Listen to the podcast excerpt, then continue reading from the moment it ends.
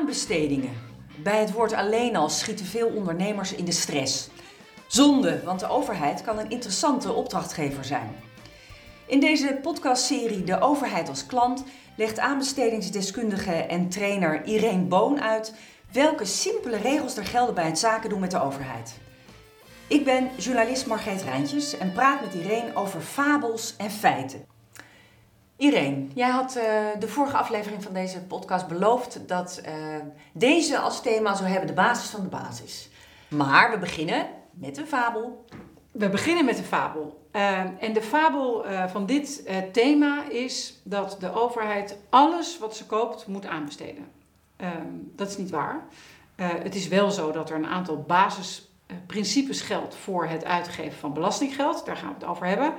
Maar het is niet zo dat als er één bloknootje moet worden gekocht, dat er dan een hele Europese aanbestedingsprocedure voor moet worden opgetuigd. Met andere woorden, je kunt best wel zaken doen met de overheid zonder dat je meteen in zo'n heel ingewikkeld, uh, of al waarschijnlijk ingewikkeld traject terechtkomt. Wat zijn de regels daar dan over? Nou, uh, er is een Europees drempelbedrag. Uh, als een opdracht een waarde heeft van meer dan zeg even 200.000 euro, mm -hmm. dat klopt niet helemaal, maar om en nabij, Zoiets. dan moet die opdracht opengesteld worden voor Europese concurrentie. En alles wat daaronder blijft, dat mag eigenlijk de aanbestedende dienst zelf bepalen hoe ze daarmee omgaat. Uh, neem het voorbeeld van gemeenten, die hebben allemaal hun eigen inkoopbeleid. Ik heb al in de vorige podcast al gezegd dat het lezen van beleid echt heel belangrijk is. Onder andere hierom. In het inkoopbeleid staat het bedrag genoemd. Uh, tot het welke de, de overheid aan jou gewoon één op één mag gunnen. Dus als er staat, uh, dat heet dan enkelvoudig onderhands. Het drempelbedrag voor enkelvoudig onderhands aanbesteden is voor de gemeente Amsterdam zeg maar even 50.000 euro. En jij hebt uh, communicatieadviesdiensten. Uh, en je wil een project gaan doen waarvan de, de verwachting is dat het zo'n 30, 40.000 euro gaat kosten, dan mag de gemeente Amsterdam één op één aan jou die opdracht gunnen. Aha. Want dat staat namelijk in hun inkoop- en aanbestedingsbeleid. Maar dat verschilt per gemeente? Dat verschilt per gemeente. Oké. Okay. En dat heeft ermee te maken dat we in Nederland een decentraal staatssysteem hebben, waarbij gemeenten en provincies en waterschappen autonoom bevoegd zijn. Ja. Dus in Den Haag wordt, vanuit Europa wordt gezegd, dit zijn de richtlijnen, zo moeten we het ongeveer gaan doen. Dan richt Nederland dat in, in de Nederlandse context. En in Nederland is er voor gekozen om de aanbestedingswet vooral voor die opdrachten boven de drempel uh, te normeren. En daaronder wordt gezegd, ja, dat moeten die aanbestedende diensten eigenlijk zelf bepalen. Oké, okay. en dan hoeft er dus ook gewoon niet worden aanbesteed? Nou, het heet officieel dan wel een aanbesteding. Enkelvoudig onderhands aanbesteden heet dus ook aanbesteden. Maar mm -hmm. in de praktijk is het gewoon één op één. Uh, de variant daarop is meervoudig onderhands aanbesteden. Dan worden er drie, vier of vijf offertes uitgevraagd bij partijen die de opdrachtgever kent. Dus het is ook wel handig als je zorgt dat ze weten dat je überhaupt bestaat. En dat okay. je belangstelling hebt voor die opdrachten. Uh, en dan heb je uh, ook wel een aanbestedingsprocedure. Maar dan is de, ten eerste is de concurrentie veel beperkter. Want je zit dus maximaal met vier andere partijen ben je in de race. Ja, dus zelf naar keuze van de gemeente. Hè? Het is Ja. dan dus niet openbaar. Ja, maar die keuze is wel uh, ook genormeerd. Er zijn leuke arresten geweest bij, bij verschillende rechtbanken tot aan de Hoge Raad over de vraag of um, als een aanbestedende dienst dus mag kiezen wie ze uitnodigt, of dat eigenlijk wel eerlijk is. Want het uitgangspunt is dat iedereen gelijke kansen moet Ja. hebben.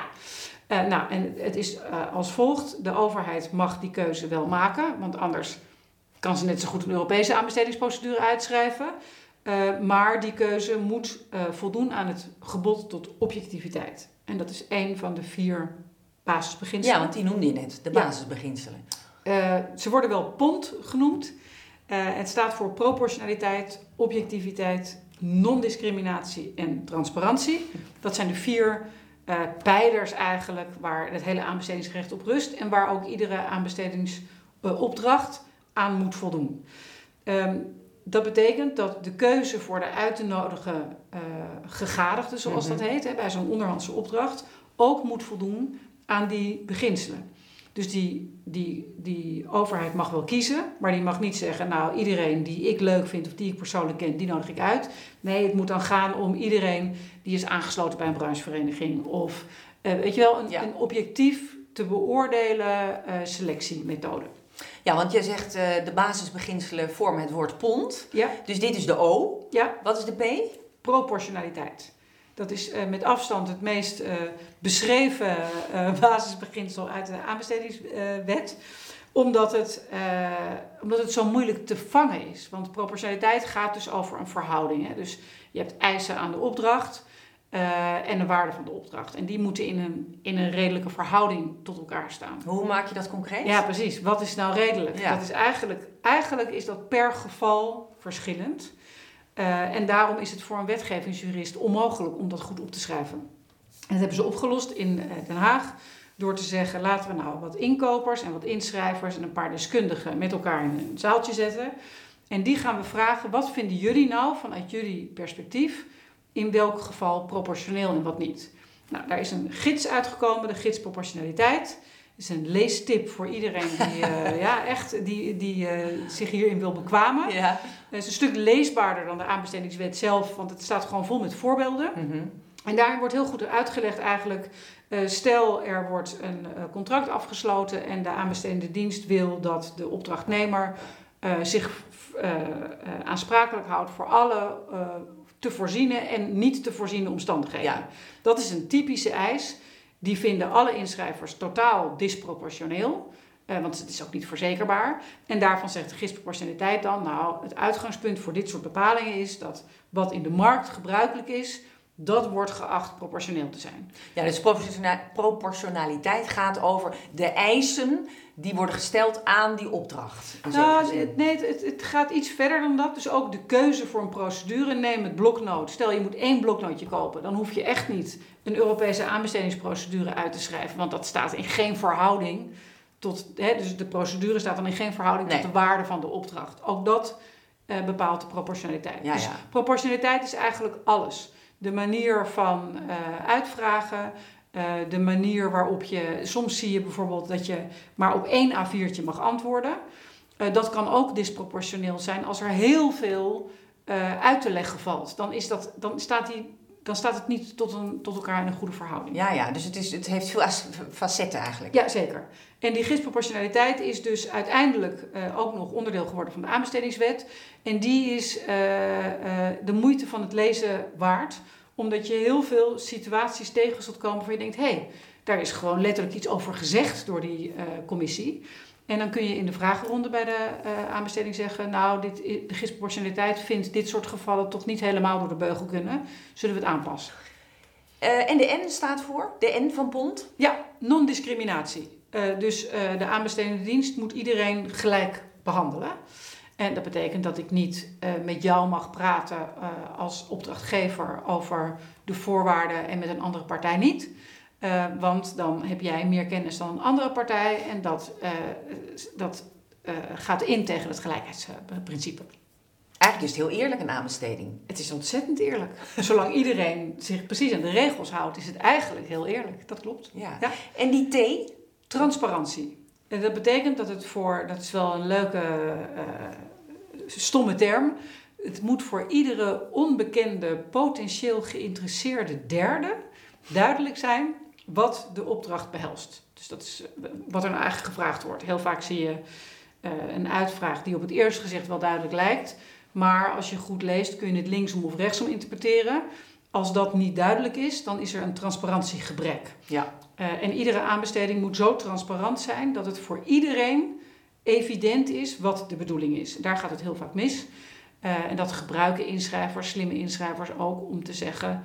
als er een eis is die ze niet helemaal past... zeggen ze, ja, maar dit is eigenlijk niet transparant.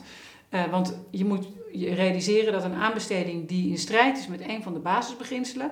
die is in principe vernietigbaar. Dus in de vraagronde refereren aan die basisbeginselen is, uh, is vaak zinvol omdat iedereen weet aan de, aan de overkant, zeg maar, bij de aanbestedende dienst, oh, nou moeten we even opletten, want als ze gelijk hebben, dan kunnen we in de problemen komen. Dus het is heel handig om die beginselen um, een beetje te, daar een beetje op te kouwen en te herkouwen, totdat je echt goed gevoel hebt voor wat betekent het nou precies. Uh, want ze zijn natuurlijk van zichzelf eigenlijk heel abstract. Weet je, proportionaliteit, ja, wat is dat Ja. nou? Dat het een in verhouding staat tot het ander. Maar Ja. wat dan? Ja. Nou ja, dus de procedure tot de, tot de opbrengst. Of de moeite die je moet doen tot de kans dat je hem wint. Het zijn allemaal varianten van proportionaliteit. Objectiviteit gaat natuurlijk over dat je ehm, eh, zonder vooroordeel beoordeelt. Uh, non-discriminatie, dat je iedereen gelijk behandelt eigenlijk. En uh, die transparantie, dat het voor iedereen helder is. Dat is het kader waar altijd aan voldaan moet worden. En uh, als wij eindigen met de tips, waar gaan die dan over deze keer? Ja, leer die basisbeginselen uit je hoofd. Want net als met beleidstukken denk je op het eerste gezicht misschien, ja, proportionaliteit, ja, daar kan ik niks mee, nee, want het zegt ik voel mij niks niks. mee. Ik voel hem niet, ik Nee. zie het niet. Daar is dus die gisproportionaliteit heel handig voor. Eh, want dan gaat het wat meer leven. Eh, datzelfde geldt voor al die andere beginselen. Daar zijn geen gidsen over geschreven, maar die zijn ook wat makkelijker te doorgronden.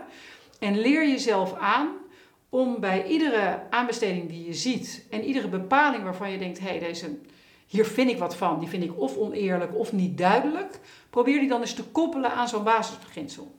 Want als je in de vragenronde zegt: ik begrijp het niet, dan wordt het antwoord: ja, jammer dan. Dat is jouw probleem. Nou ja, zo zwart is het nog net niet, maar bij wijze van spreken. Ja. Terwijl als je kunt zeggen, u heeft een bepaling geformuleerd die maakt dat wij intern eh, het er niet over eens zijn wat er staat. Dus deze is helaas onvoldoende transparant, kunt u het ophelderen. Dan gaat er wel een belletje rinkelen aan de overkant. Eh, en dan is de kans veel groter dat je dat gehonoreerd krijgt. En wat merk je bij je trainingen? Vinden mensen dit inderdaad logisch klinken? Nou, je, het is wel leuk. Ze beginnen eigenlijk allemaal, al die cursisten, met: oké, we willen heel graag eh, beter leren vragen stellen, bijvoorbeeld, of beter leren überhaupt inschrijven. En dan kom ik met de theorie. Nou, we hebben dus vier basisbeginselen. En dan zie je iedereen zo'n beetje onderuit zakken van: daar gaan we. Eh, maar gaandeweg die training, doordat je het steeds toepast op. ja, als iemand zegt: ja, maar dit klopt toch eigenlijk niet? En je vraagt dan: oké, welk beginsel is hier dan in het geding? Gaat het veel meer leven? En aan het eind zeggen ze eigenlijk allemaal: Ik heb veel meer grip nu eh, op het proces en op die vragenronde. Dus het, is, eh, het lijkt misschien heel ver van je bedshow, maar als je er even in verdiept, dan eh, ze- zeggen de meesten dat het inderdaad beter gaat. Ja. En dan gaan ze allemaal lekker voordat ze gaan slapen eh, die proportionaliteitsgids lezen. Nou, dat denk ik niet. Maar ze, ze, ze sturen me wel mailtjes dat de vragen tegenwoordig wel beantwoord worden. Daarmee heb je de opdracht nog niet gewonnen, maar je hebt in ieder geval niet meer niet akkoord, zie bestek. Of Ja, eh, precies. nee, of dat soort botte dingen. Ja. Nou, het woord pond, dat heeft een nieuwe betekenis gekregen. Bij sinds deze- deze podcast. Het bruggetje naar eh, meer grip op aanbestedingen. De pont. Tot de volgende keer. Tot de volgende keer.